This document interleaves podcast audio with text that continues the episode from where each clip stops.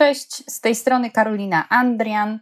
Witam Was w podcaście Wspólne Dzieci, Wspólne Obowiązki. Dzisiaj rozmawiam z Maciejem Rożen, tatą na urlopie rodzicielskim na pełen etat. Nie jest to dwutygodniowy urlop ojcowski, nie jest to dwumiesięczny urlop rodzicielski, jest to półroczny, tak, sześciomiesięczny urlop rodzicielski. Maciej jest kierownikiem kreacji w firmie Viacom CBS i autorem książek dla dzieci. Obecnie jego szefem jest siedmiomiesięczny syn Gustaw. On z przyjemnością wykonuje swoje nowe obowiązki zawodowe. Rozmawiamy o tym, czy karmienie piersią jest możliwe w sytuacji, kiedy po pół roku opiekę nad dzieckiem przyjmuje tata dziecka. I jak to wygląda w teorii i w praktyce. Zachęcam Was bardzo serdecznie do wysłuchania tej rozmowy. Mnie ona podniosła na duchu. Wiem, że działania naszej fundacji Share the Care mają sens. Zapraszam, posłuchajcie.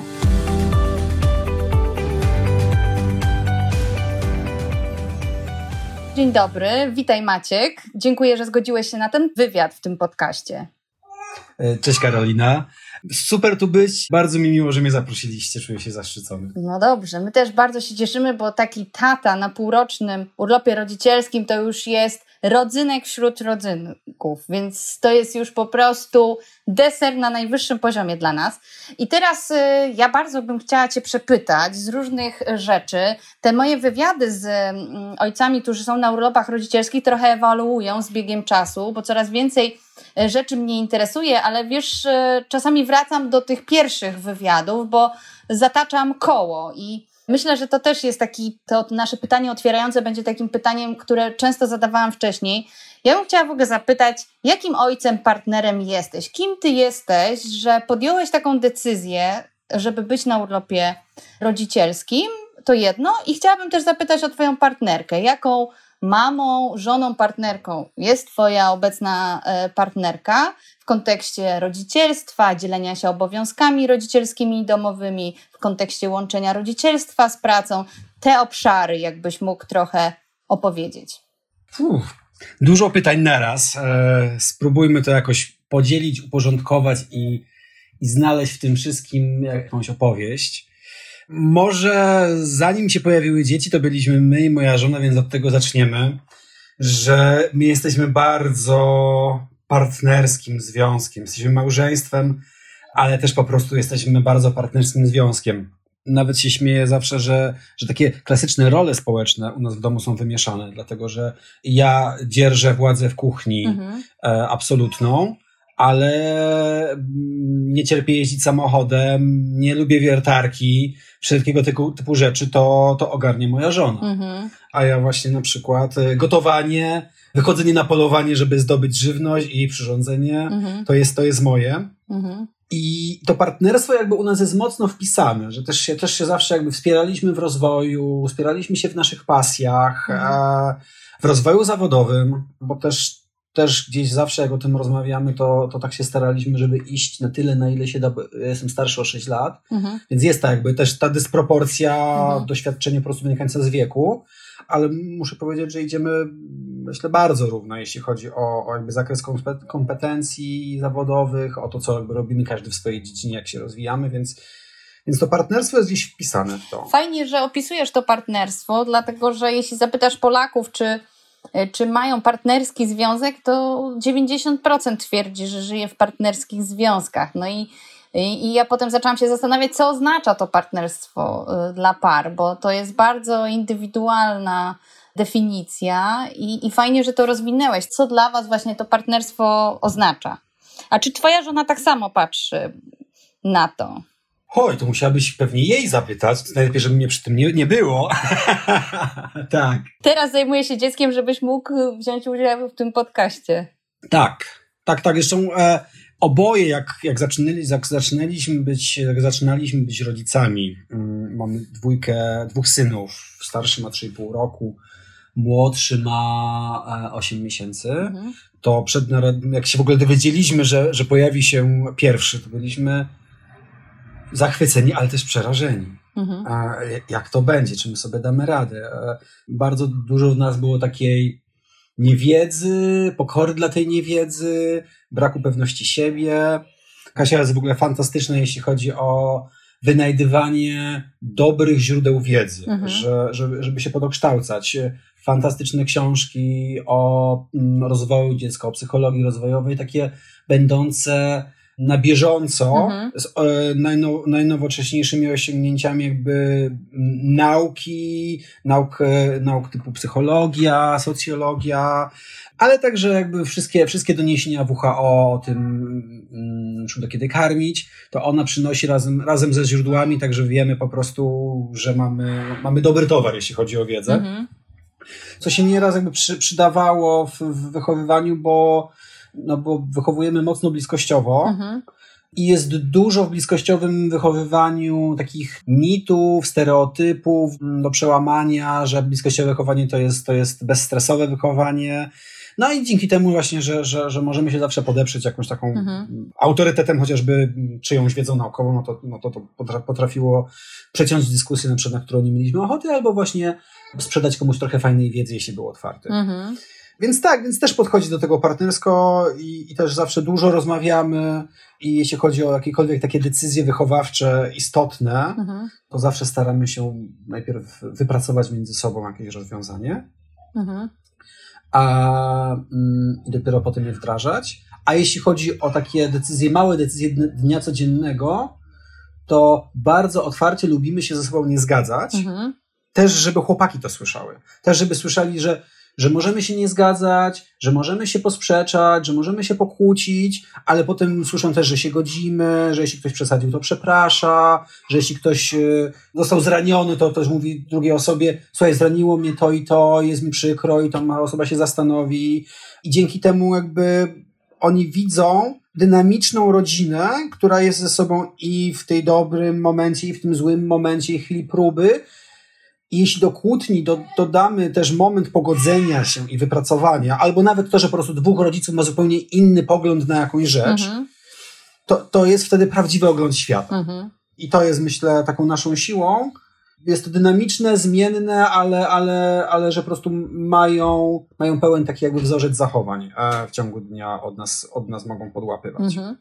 Wspomniałaś o tych decyzjach, małych i dużych. No to jak było z tymi decyzjami właśnie odnośnie urlopu rodzicielskiego? Bo może wprowadźmy, że ty jesteś mhm. drugi raz na urlopie rodzicielskim, jakbyś tak powiedział, ale powiedz też, czyj był pomysł przy pierwszym razie i czyj był pomysł przy drugim? Jak wyglądał ten proces podejmowania decyzji, dochodzenia do tak? Przy pierwszym razie pojawił się pomysł, że ja wezmę rodzicielski na końcówce rodzicielskiego mojej żony, że będziemy razem mhm. przez kilka ostatnich tygodni i zrobimy sobie trochę wakacje od, od, od normalnych obowiązków.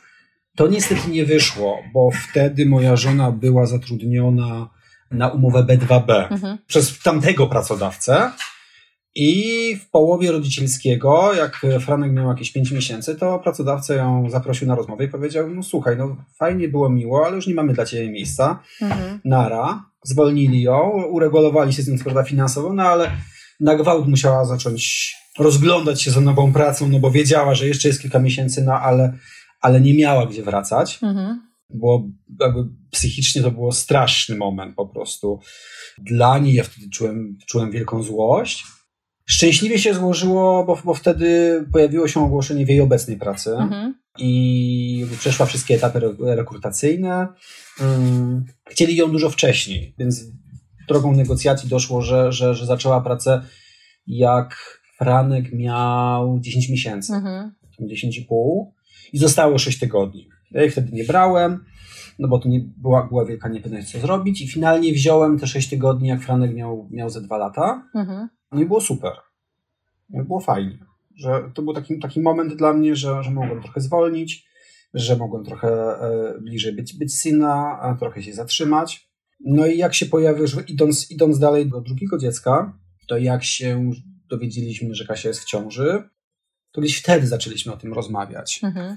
Dla Kasi było ważne, żeby nie wypaść z obiegu zawodowego za bardzo na tamtym etapie. Mhm. To był jeszcze etap, kiedy, kiedy, kiedy, kiedy to nowe życie jeszcze jest bardzo abstrakcyjne, mhm. bo jeszcze nawet nie kopię w brzuchu, więc wiedziałem, że to jest dla niej ważne. Mhm. też dopiero jakby odzyskiwała, odzyskiwała trochę siebie. Mhm. Po tym, jak przez, przez najpierw przez była w ciąży, potem te dwa pierwsze lata Franka, to no to każdy rodzic młody wie, że to wtedy y, wiele wolności i rzeczy, które chciał, chciałby robić, no to ulegają trochę zawieszeniu na moment, mhm. ewentualnie ograniczeniu i tak po dwóch, trzech latach to, to z powrotem gdzieś wraca na stare tory. Mhm. No a tutaj się pojawiło drugie szczęście w drodze. Mhm.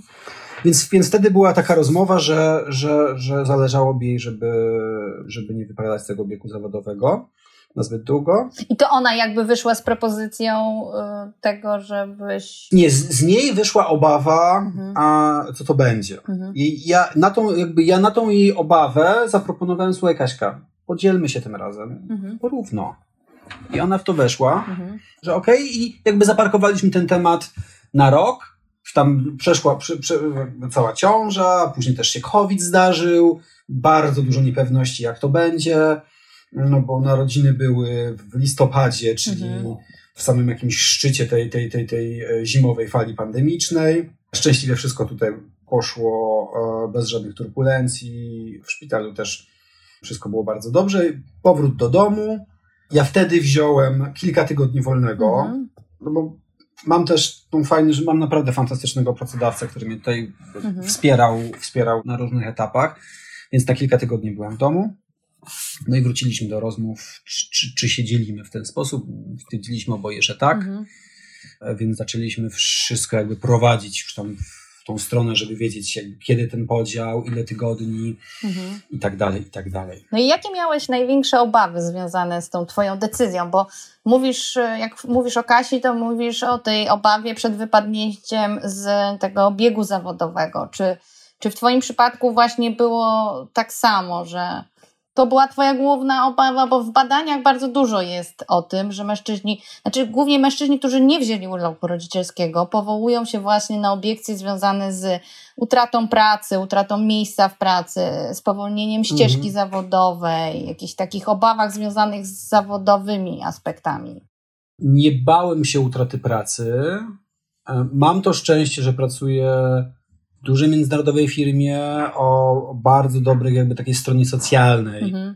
Więc y, na poziomie faktów wiedziałem, że jestem we właściwym miejscu, żeby takie rzeczy robić. Natomiast na poziomie emocji łatwiej było tą decyzję podjąć nam w tej małej naszej komórce domowej, y, niż ją później zakomunikować. I to było czysto takie emocjonalne, że, że ja gdzieś na jakimś poziomie czułem, że że nie mam prawa, mhm. że nie mogę, że to nie jest moje, że ja jakoś zawiodę tych ludzi w pracy mhm. jakimiś fanaberiami, że nagle sobie mhm. wymyśliłem, że, że co ja, że przez pół roku będę, będę się bawił w, w, w dom. Mhm. I to, to jest strasznie irracjonalne. Przecież ja już mam, mam starszego syna, i wiem dobrze, że to nie jest zabawa, tylko to jest ciężka, ciężka praca i to jest bardzo ważny moment e, w życiu dziecka. I podzieliłem się z Kasią tymi obawami, bo pisałem tego maila najpierw na brudno. Mhm. Dwa tygodnie go pisałem. Boże, ile ja wtedy nerwów i stresów, taka, taka kula mi po prostu lęku rosła. Mhm. Podzieliłem się tym z Kasią i ona, i ona mi wtedy mówi, a ty wiesz, że ja się tak czułam za każdym razem, kiedy informowałam pracodawcę. Ja tak, ale jak to? Ale przecież ty jesteś kobietą. Mhm. Ona mówi, nie co z tego? No i takie olśnienie wtedy na mnie spłynęło, że w sumie co z tego?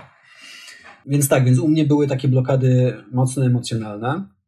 Jak poinformowałem szefów, no to później już poszło z górki, mhm. bo dostałem, najpierw dostałem zalew maili, że, że, że gratulacje, Mam dwoje szefów e, e, i, i od jeden szef, który jest takim moim bezpośrednim przełożonym, to on pomógł jakby przejść przez to wszystko organizacyjnie, co tam, co tam trzeba porobić. Mhm. Dużo rozmawialiśmy właśnie, jak, jak ogarnąć moje zastępstwo. Mhm. No właśnie, właśnie to jest bardzo ważny dla mnie ten, ten aspekt, więc zaraz o tym pogadamy, ale... I on, on jakby od takiej strony był, był takim dużym wsparciem, że trzeba to po prostu prze, przeprocedować. Mhm. I tutaj mogłem na niego liczyć. I druga szefowa, z którą robię część projektów mhm. i przed nią jakby odpowiadam merytorycznie, mi powiedziała, że jest ze mnie dumna. Mhm. Na, na takim kolu indywidualnym. no to, no to jak już po prostu dostałem mm, taki, taką informację zwrotną, no to już mogło być tylko dobrze. Mhm. Tam były później oczywiście stresy i tak dalej, bo, bo właśnie, bo ten moment, ten moment zmiany i, i moment zastępstwa. Mhm. A jak wcześniej zacząłeś porozma- porozmawiać z pracodawcą? Jeszcze ile czasu przed rozpoczęciem urlopu rodzicielskiego poszedł ten mail? Hmm, cztery miesiące, mniej więcej cztery miesiące przed. Mhm, okay. Starałem się właśnie dużo czasu, żeby był taki moment na, na poszukanie zastępcy. Mhm. No i jak zostało to rozwiązane? Bo powiem Ci, że o ile e, jak się rozmawia z, o, o, kobietach o zastępstwie, to zawsze mówią, a rok to łatwiej zastąpić. To nieważne, że no w przypadku Twojej Kasi to jest pół roku tak naprawdę i to jest zupełnie ta sama sytuacja jak w przypadku Twoim. No ale jak się mówi o mężczyznach, no to zawsze pojawiają się te argumenty, no właśnie, że to jest krócej, dwa miesiące, pół roku, to bez sensu zatrudniać zastępstwo i co tu zrobić. No i jak to zostało u Ciebie rozwiązane, w Twojej organizacji, w zespole? Myślę, że w ogóle dwa miesiące to, to byłby pikuś. To, to by nawet mógłbym się jakoś, jakoś. To może się zdarzyć, że ktoś wyląduje na chorobowym, złamie nogę, poważniejsza choroba i go dwa miesiące nie ma. I firmy są do tego przyzwyczajone, że takie rzeczy się zdarzają w zależności od tego, jakie jest obłożenie projektami, to albo, albo no, najczęściej to jest gdzieś no, kumulowane przez resztę zespołu. Mhm. Pół roku moim zdaniem jest najtrudniejszym okresem dla pracodawcy, bo e, tak jak mówisz, na rok jest łatwiej, bo na rok e, łatwo już po prostu kogoś zrekrutować, mhm. zatrudnić na rok, bo, bo to już jest fajny, fajny fragment e, życiorysu zawodowego, a mhm. pół roku to no ni pies, ni wydra, żeby zrezygnować z obecnych projektów. Mhm. U nas to zostało to rozwiązane w ten sposób, że jeden z naszych stałych współpracowników, bo może jeszcze dwa słowa o tym, czym ja się zajmuję, żeby było, będzie łatwiej zrozumieć. No właśnie, bo to ja przedstawiliśmy Ciebie trochę, ale może powiesz właśnie mhm. dla takich nieznających tej branży. Ja jestem kierownikiem e, kreacji w telewizji mhm. i w największym skrócie zajmujemy się robieniem całej autopromocji, którą widzicie na naszych kanałach, mhm. czyli tych takich montażówek krótkich, 30-sekundowych przy reklamach puszczonych, które zachęcają Cię do obejrzenia naszego filmu, naszego serialu, programu telewizyjnego, koncertu. Mhm. I mój dział tym się zajmuje, więc jest to praca taka mocno projektowa. Mhm i mamy to szczęście, że y, dwóch takich naszych y, najściślej naj, naj, pracujących z nami współpracowników, y, którzy są wolnymi strzelcami, mhm.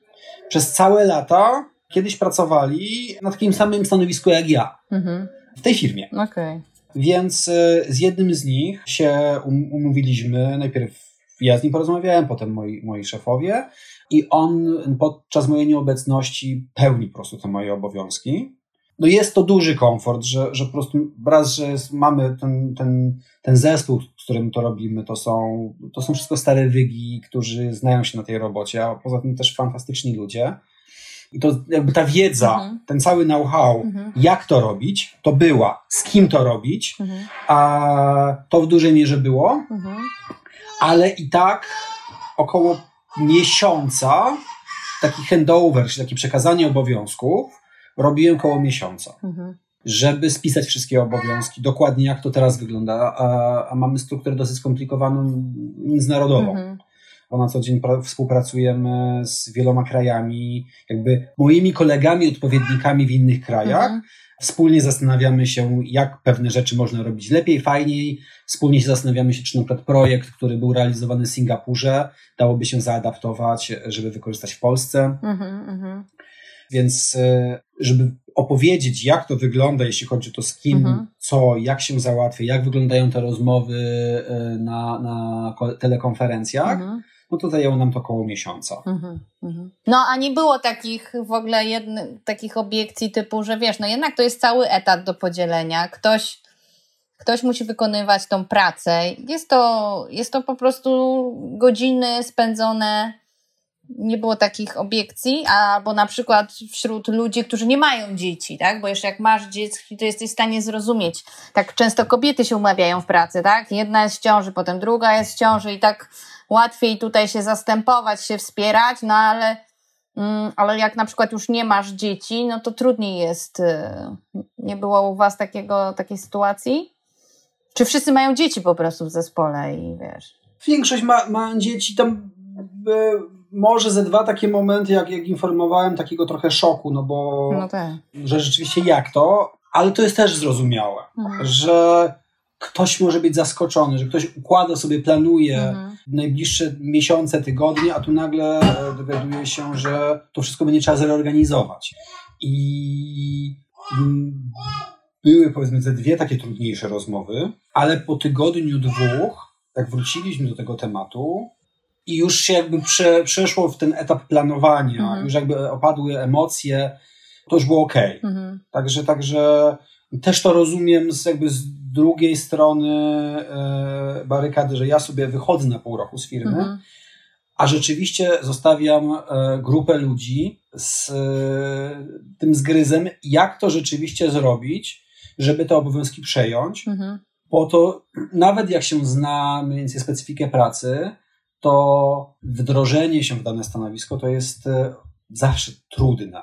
No tak, tak, tak. Tak, więc, więc to wymaga, wymaga wysiłku, wymaga pracy. Na powrocie będziesz musiał przyjść z jakimiś giftami, słuchaj, konkretnymi. No, na już, pewno. Już możesz planować powoli. Masz 6 miesięcy tak. na zaadresowanie tak indywidualnych takich marzeń. No już, już nie 6 miesięcy. No właśnie, już trochę krócej, już. bo już, już no. jesteś miesiąc chyba, prawda, na tym urlopie, czy więcej?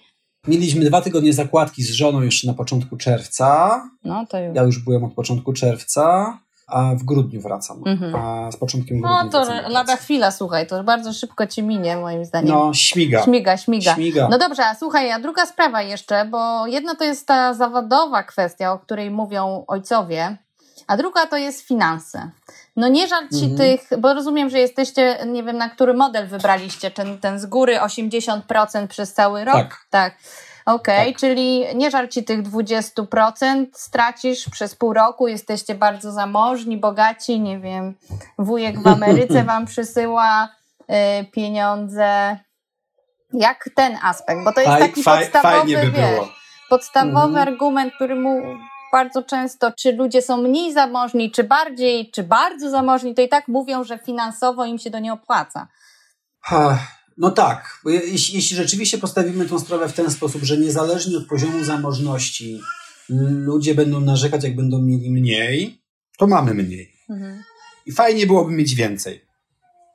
Na szczęście mamy trochę oszczędności mhm. i mamy trochę takich wydatków miękkich, które mogliśmy zreorganizować. Mhm że to uderzenie jest do przyjęcia. Mhm, mhm. Zaboli trochę, ale damy radę. Mhm.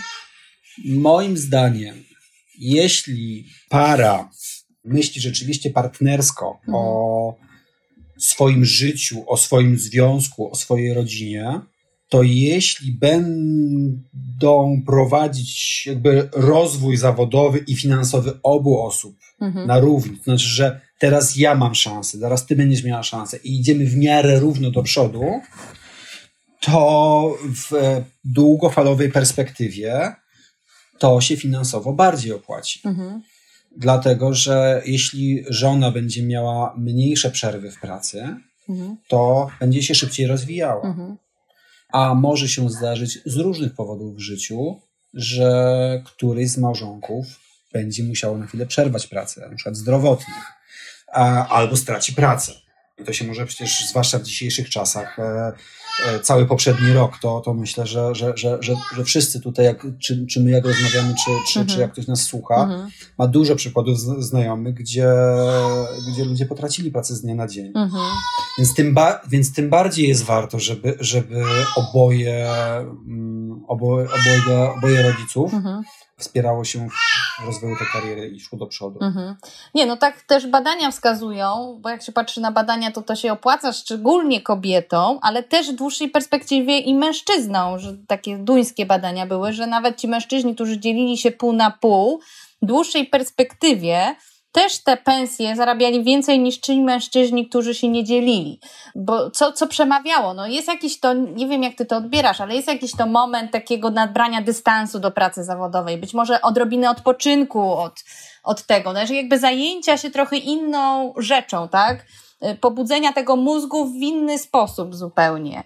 Czy ty widzisz właśnie takie korzyści z tych urlopów rodzicielskich dla swojej, właśnie nawet tej ścieżki zawodowej, na sposobu, w jaki rozwijasz się zawodowo, tak? Pod, pod wszystkim, co teraz powiedziałaś, podpisuję się po prostu obiema rękami i nogami. Mhm. Bo widzę teraz właśnie po tych e, powiedzmy sześciu tygodniach pobytu w domu, jak ze mnie schodzi tak naprawdę lata ciężkiej pracy. Mhm. Bo teraz mam 38 lat, wyprowadziłem się z domu rodzinnego, miałem 22 i od tego czasu z mniejszą lub większą pomocą e, e, rodziny działam na swoim. Mhm. Jak, e, więc zawsze muszę, musiałem myśleć o tym, żeby była praca, żeby były pieniądze, że jak nagle nie było pracy, a przez wiele lat pracowałem jako wolny strzelec, to był duży stres, a jak była praca, to był stres, że zaraz jej nie będzie. Mhm. To jest po raz pierwszy od 16 lat moment w życiu, że ja rzeczywiście mogę nie pracować i mogę się tym nie martwić. Mhm. To jest Fajne uczucie, prawda? Coś magiczne, mistyczne, nierealne. Naprawdę. E, bo my Polacy strasznie dużo pracujemy. Mamy duże aspiracje jako, jako kraj na dorobku, a też młodzi ludzie, żeby do czegoś dojść, to, to cholernie muszą w to włożyć dużo, dużo siebie. I tak jak mówisz, ten moment na przewartościowanie sobie rzeczy, na złapanie oddechu, na przemyślenie jakiejś strategii na siebie na kolejne 20 lat, to, to myślę, że mi to bardzo dużo da. Hmm. Bardzo się cieszę, że to mówisz, bo, bo jest to też właśnie zgodne z naszymi poglądami. Bardzo trudno niestety o tym przekonywać osoby, które zupełnie tego nie dostrzegają. No ale między innymi po to są też te podcasty, żeby tu usłyszeć to od osoby, która, e, która właśnie to wdrożyła w życie, w prawdziwym życiu. Chciałam Cię jeszcze zapytać jeszcze jedno, to jest poza naszym scenariuszem trochę, ale przyszło mi do głowy.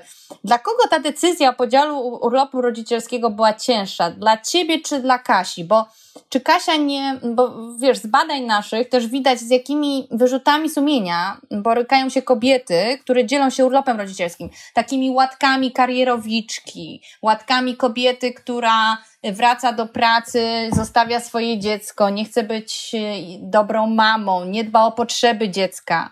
Często właśnie to rodzicielstwo bliskości jest interpretowane jako bliskość tylko z matką, a nie z rodzicem i, i to też tak trochę wypacza to znaczenie. Więc e, na ile trudne to było dla Kasi? Czy może ona właśnie zupełnie inaczej do tego podchodzi? Czuje się ugruntowana w tej decyzji, bo na przykład ma wsparcie w tobie, albo z jakiegoś innego powodu. Kilka rzeczy tu się na pewno ściera.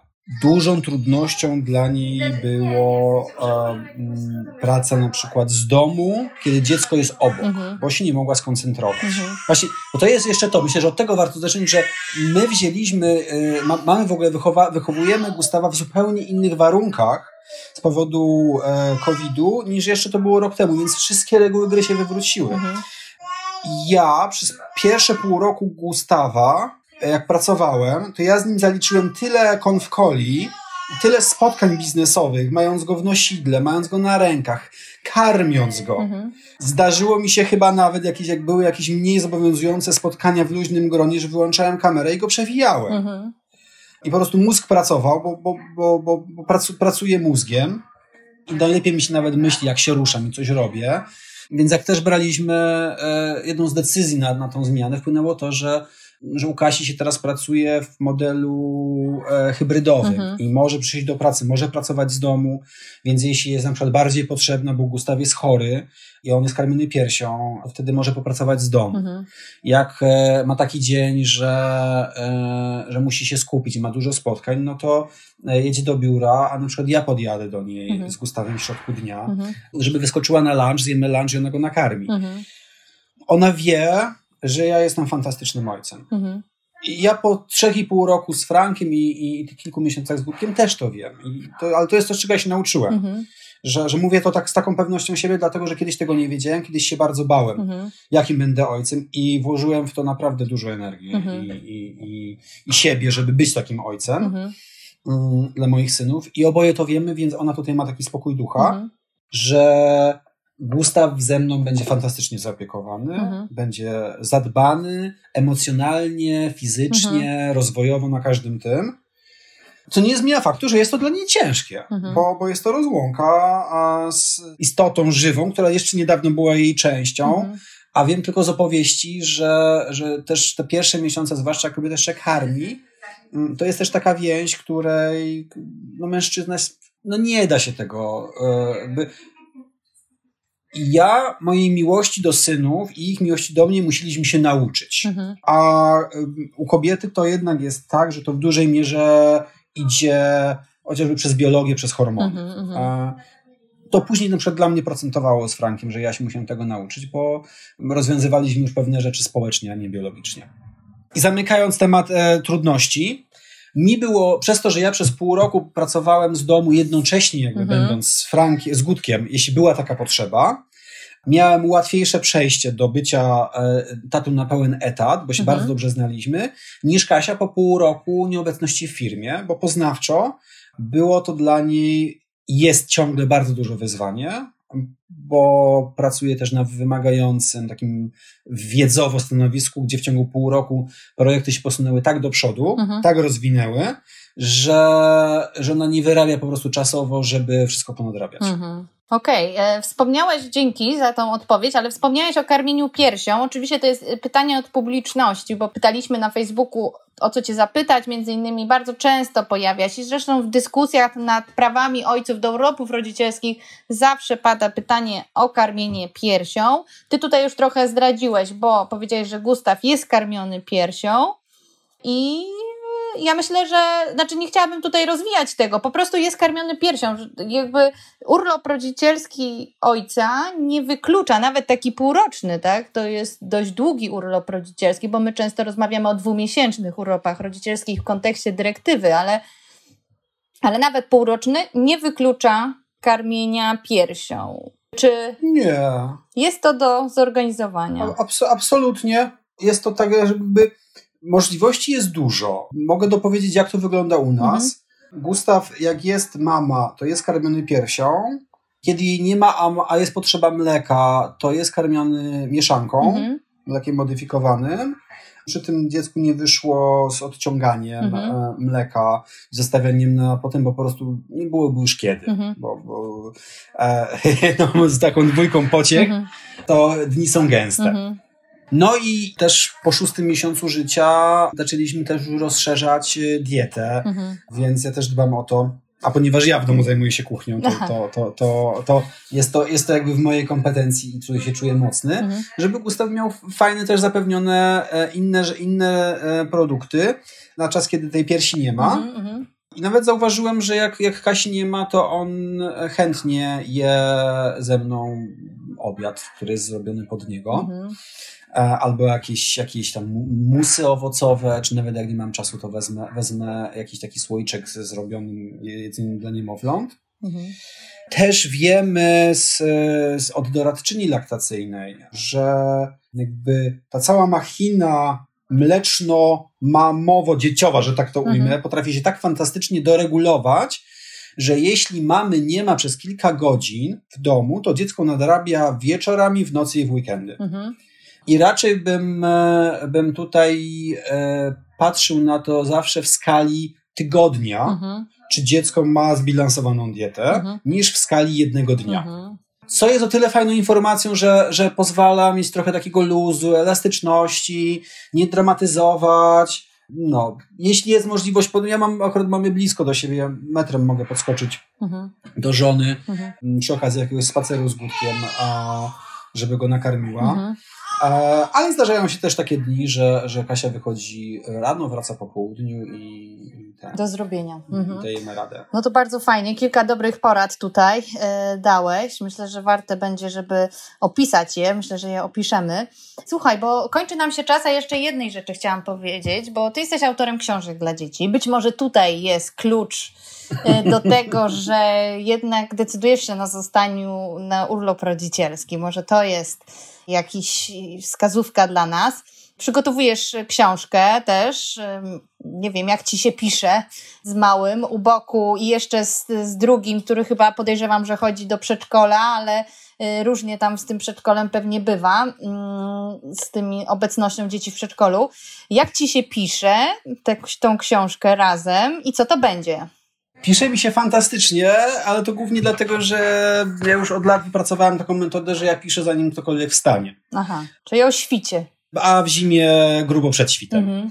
Powstaje zazwyczaj koło szóstej, Kiedyś wstawałem o piątej, mhm. jak jeszcze um, byłem w stanie chodzić spać o dziewiątej, to po prostu chodziłem spać o piątej. Mhm. Teraz jak, jak chłopaki mi nie dają tak pospać, to wstaję o, o szóstej.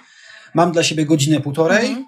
na pisanie i robię to codziennie, mhm. 7 dni w tygodniu, przez cały rok, tak funkcjonuje od, od wielu lat, więc już po, po, prostu jestem w takim reżimie pisania, że jak mam dzień urlopu i nie piszę, to się czuję zaniepokojony. Wow.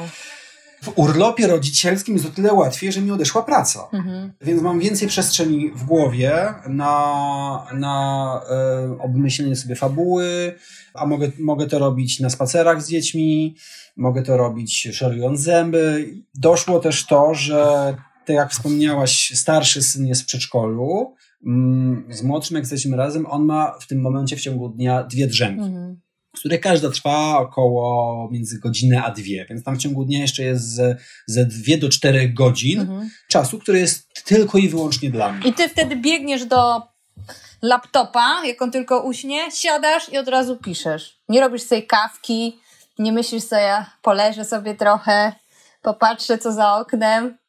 Wła- znaczy, dużą część tych drzemek wykorzystuję na pisanie, mhm. ale ponieważ to jest całe pół roku też dla mnie, mhm. dla, e, dla, dla moich synów oczywiście, dla mojej żony oczywiście, ale także dla mnie. To nawet dzisiaj Wam powiem, że tak sobie pomyślałem, że, że będziemy rozmawiać tutaj um, o tych wszystkich fajnych tematach, to, no to, to też chcę być jakby zregenerowany. To ululałem Gucia jakoś koło 9.30, tak myślę, dobra, drzemeczka. I sobie godzinkę pospałem, więc y, możliwość wrócenia do leżakowania to jest coś fenomenalnego i każdemu to polecam. Tak, to no myślę, że dla mężczyzn szczególnie może być przekonywujące. No dobrze, na koniec jeszcze chciałabym Cię poprosić, bo jesteś też, y, pracujesz w zawodzie kreatywnym, o taką jakąś reklamę um, urlopów rodzicielskich, może jakim, bo powiem Ci, że praca nad kampanią dla ojców y, jakby nie doszła do końca, do finału, bo cały czas szukamy funduszy na to, ale zaczęła się praca kreatywna i nie, ja nie jestem osobą z tego y, jakby obszaru. No nie wiedziałam, że to jest kurde taka droga przez mękę. Tysiąc pytań, jakim językiem opowiadać? Czy przedstawiać ojca jako bohatera, czy może jako po prostu, że to jest normalna rzecz? Y, o jakich korzyściach mówić, a żeby nie zapomnieć o mamach. Y, no po prostu, no masakrycznie ciężka praca. Jakbyś tutaj może ze swojego podwórka, ze swojego doświadczenia zareklamował innym ojcom ten urlop hmm. rodzicielski, albo przynajmniej jakieś wskazówki nam tutaj podpowiedział. Znaczy, z mojego doświadczenia to myślę, że, że, że może, możemy wyjąć trzy rzeczy, mhm. które padły w tej rozmowie, mhm. czyli e, korzyści, które wyciągnie ojciec dla siebie. Mhm. Badania z Danii pokazują, że urlop rodzicielski sprzyja rozwojowi kariery zawodowej. Mhm. Czyli jak weźmiesz urlop rodzicielski, to finalnie awansujesz bardziej i więcej zarobisz. Dwa, możesz sobie robić dzięki, drzemki w ciągu zapisuję, dnia. Zapisuję, zapisuję. Tak, Awans. Czyli mhm. jeśli będziesz sobie robił drzemki w ciągu dnia, to będziesz miał czas na przemyślenia mhm. e, i siłę na przemyślenia, co zrobić z resztą swojego życia. Mhm. I trzy, możesz naprawdę ten czas zainwestować w to, żeby mieć najlepszego, najwierniejszego przyjaciela lub przyjaciółkę, mhm. w zależności od tego, czy będzie, będzie syn czy córka. I to jest coś, co zależy tylko od ciebie, mhm. nie zrobi tego za ciebie twoja żona. Mhm. Tylko od ojców zależy, jaką, jakie będą mieli relacje z, ze swoimi dziećmi. Mhm. No i super, zapisałam. Słuchaj, wykorzystamy to na pewno. Jak będziemy pracować już mocniej nad kampanią, to zgłoszę się do ciebie. Może będziesz chciał Zapraszam. do nas dołączyć i wesprzeć nas swoją kreatywnością i swoim doświadczeniem. No bardzo Ci dziękuję za tą rozmowę. Ona jest bardzo inspirująca. Ja w ogóle jestem w szoku za każdym razem, jak rozmawiam kolejnym tatą, to jestem w szoku, jak to jest inspirujące i to motywujące, wiesz, do działań, bo e, w tych działaniach naszej fundacji czasami jest bardzo ciężko, bo przychodzi taki moment, że czasami myślę sobie, że tych zmian nikt nie chce ale po takiej rozmowie napawa mnie to taką energią i optymizmem, więc dziękuję Ci bardzo. Podziękuj swojej żonie Kasi za zajęcie się Gutkiem i Gutkowi za podkład dźwiękowy do tej rozmowy. No i wielkie dzięki, powodzenia ze swoją książką. Jeszcze powiedz, jaki będzie miała tytuł i gdzie można, yy, gdzie szukać i kiedy. Książka będzie się nazywała, tu nazywa się Jaga i dom na orlich nogach. Mhm. Ukaże się nakładem wydawnictwa Zielona Sowa i premiera będzie na początku września mhm. i będzie dostępna e, w księgarniach w całej Polsce.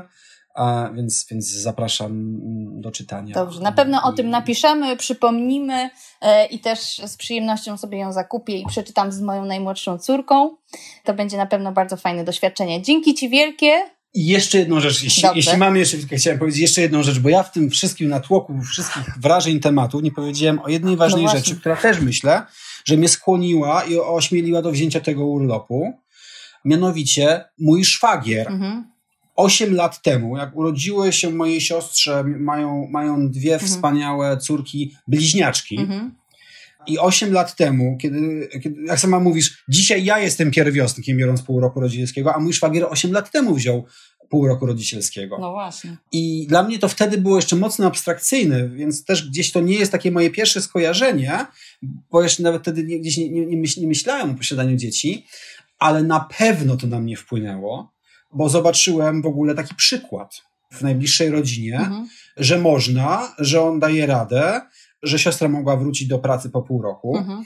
więc, e, więc myślę, że to też jest niezmiernie istotne w takim w ogóle wręcz takim, że, że ta pewność była we mnie, to też może wynikać z tego, że już wcześniej miałem takie przykłady dookoła siebie. Mhm, bardzo możliwe. Myślę, że musimy porozmawiać też ze Szwargrem w jednym z podcastów. Zgłoszę się do ciebie o kontakt, będziemy, bo też po ośmiu latach może też ocenić to z dłuższej perspektywy, że, więc myślę, że to jest ważne. W takim razie dziękuję Ci bardzo za rozmowę. Zapraszam wszystkich do udostępniania tej rozmowy, do lajkowania i namawiania innych na urlop rodzicielski, innych ojców oczywiście. Pozdrawiamy serdecznie. Dziękuję za zaproszenie. Dzięki. Cześć. Cześć, dzięki.